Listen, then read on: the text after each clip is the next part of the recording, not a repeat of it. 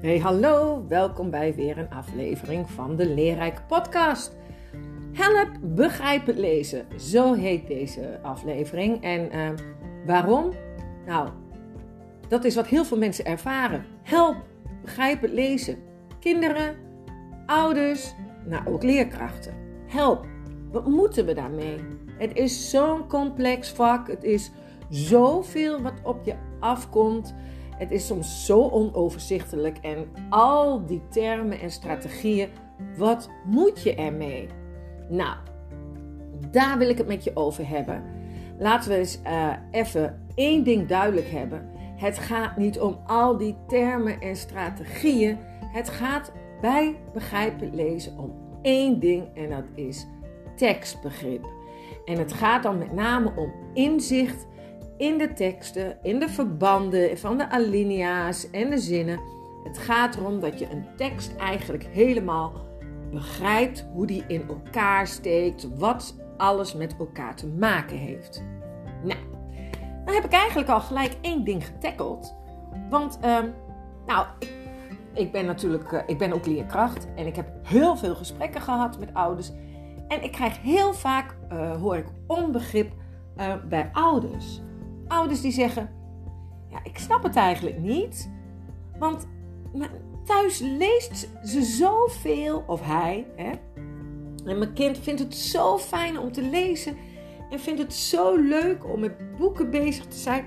Ze snapt echt wel wat ze leest. Hoe kan het nou dat ze dan toch een onvoldoende scoort voor begrijpend lezen? Nou, daar gaat het dus al om. Wat is nu begrijpend lezen? Laten we het daar eens even over hebben. Begrijpend lezen is niet zo dat jij begrijpt waar een boek over gaat of over waar een tekst over gaat. Dat is maar een heel klein onderdeeltje eigenlijk ervan. Met begrijpen lezen gaat het met name dus om, wat ik toen straks al zei, dat je inzicht krijgt in de tekst. Hoe is het opgebouwd? Wat hebben de zinnen met elkaar te maken? Wat hebben de alinea's met elkaar te maken? Wat is het begin? Wat is het slot? En dat is begrijpend lezen. Tekstbegrip. Daar draait het ook om bij begrijpend lezen. Om tekstbegrip. En ja, het lijkt alsof het gaat om leesstrategieën. Want uh, misschien uh, als ouder heb je dat vast wel gehoord. Of nou ja, je kind komt thuis. Of je helpt je kind met begrijpend lezen, weet ik veel. En je kind heeft het over sleutelvragen, over signaalwoorden, over verbindingswoorden, over verwijswoorden. Dat jij denkt: oké, ik dacht dat we gingen begrijpen lezen. En daar zit eigenlijk, daar gaat het ook eigenlijk een beetje mis. Um, het lijkt wel of het begrijpen lezen om de leesstrategieën gaat. Dus dat dat het doel is. Dat jij de verwijswoorden kan vinden, dat jij weet uh, welke signaalwoorden er staan en wat ze betekenen. En dat is heel gaaf als je dat kan. Maar het draait om de tekst. Want doordat jij dat kan, snap jij de tekst beter. Dus even omdraaien. Uh, je kind is bezig met allerlei dingen, zeg maar met verwijswoorden, allerlei oefeningen. En de bedoeling is niet dat jouw kind die verwijswoorden kan vinden, maar dat hij dan daardoor de tekst beter begrijpt. Dus het doel is niet uh, verwijswoorden vinden, maar het doel is tekstbegrip. En dat krijg ik door de verwijswoorden te vinden. Snap je wat ik bedoel? Dus doordat jouw kind snapt wat de zinnen met elkaar te maken hebben, krijgt het meer inzicht in de opbouw, in de, in de tekst. Dus daar draait het om. Het draait en het blijft om die tekst. Maar om die inzicht dus te krijgen, gebruik je strategieën. En het ging dus eigenlijk een beetje mis een paar jaar geleden, nou, leek, eigenlijk leek het niet meer op leesbegrip, maar meer om leesstrategieënles. En uh, nou ja, misschien heb je zondag met Lubach gezien van een paar jaar geleden. En anders een hele leuke tip om eens een keer uh, te kijken op YouTube. Maar die had er een keer een item ook over. Dat begrijpen lezen, ja, ja, waar zijn we eigenlijk op scholen mee bezig? Is dat nou begrijpend lezen? Nou, dat is geen begrijpend lezen. En uh, dat is heel mooi dat hij dat aan de kaak stelde. En je ziet ook wel weer een beweging dat er meer vanuit de tekst dus wordt gewerkt. Dus dat het om de tekst draait en niet om die leesstrategieën. Die leesstrategieën zijn een middel om de tekst te begrijpen.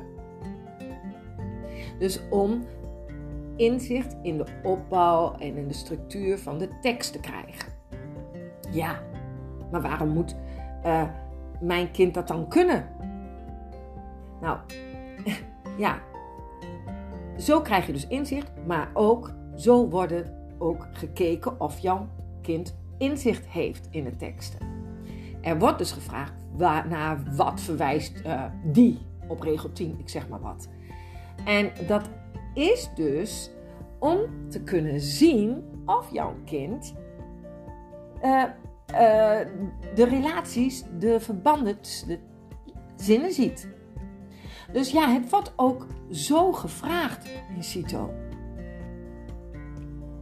Dus het is, um, ja, hoe moet je het vragen? Het is ook lastig van hoe ga je dit toetsen? Nou ja, dan krijg je dus eigenlijk uh, zulke soort vragen die over signaalwoorden gaan, over verbindingswoorden, over, nou, eigenlijk een beetje de leesstrategieën. Maar goed, daarom is het ook best wel goed om met leesstrategieën aan de gang te gaan. Er zijn ook um, methodes of ja, toch ook um, ja, scholen die echt met de doelen bezig zijn, met het doel leesbegrip. En dat is top. Heel goed. Maar um, door alleen maar vragen te stellen van wat gebeurt er, hoe gebeurt er, wanneer en wat, dat is een hele goede manier om de tekst uh, ja, te begrijpen. Maar ben je er dan klaar voor om die toets aan te gaan? Want dat is zo rot. Twee keer in het jaar worden op de meeste scholen toch wel die CITO-toetsen afgenomen. Ja, en daar wordt dan toch gevraagd van, lees, uh, uh, weet ik veel, regel 4 tot 5 van het woordje dit tot het woordje dat. En nou, uh, naar wat voor woord, waar verwijst wie naar? Nou, ik zeg maar wat. Als jouw kind dat dus nooit meer heeft geoefend, dus ook niet weet, dus ten eerste al de vraagstelling niet begrijpt, van wat betekent dat eigenlijk, leesregel 4, 5, van dit woordje tot dat, hè? en daar dus al moeite mee heeft, en dan ook nog met de vraagstelling naar wat verwijst het woordje wie in regel 10, ik zeg maar wat, dan wordt het wel heel lastig.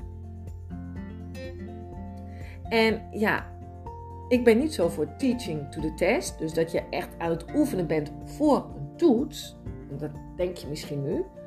Maar ik denk dus dat je, um, ja, uh, wel, uh, ik denk dus eigenlijk, ja, je moet wel met die vraagstelling bezig zijn. Omdat jouw kind anders het niet begrijpt met een toets. Ja, je moet dus met die strategieën bezig zijn, omdat dat de manier is hoe er gevraagd wordt naar uh, nou ja, naar het inzicht naar de, eh, of jouw kind dus die tekst begrijpt. Ik hoop dat je mij nog begrijpt. Nou, uh, stel je voor, uh, jij moet afzwemmen voor diploma A en je hebt nooit geoefend met watertrappelen. Jij kan zwemmen, oké, maar je hebt nog nooit geoefend met watertrappelen. Dan sta je daar wel eventjes voor de verrassing van, oh, ga maar even een minuutje watertrappelen.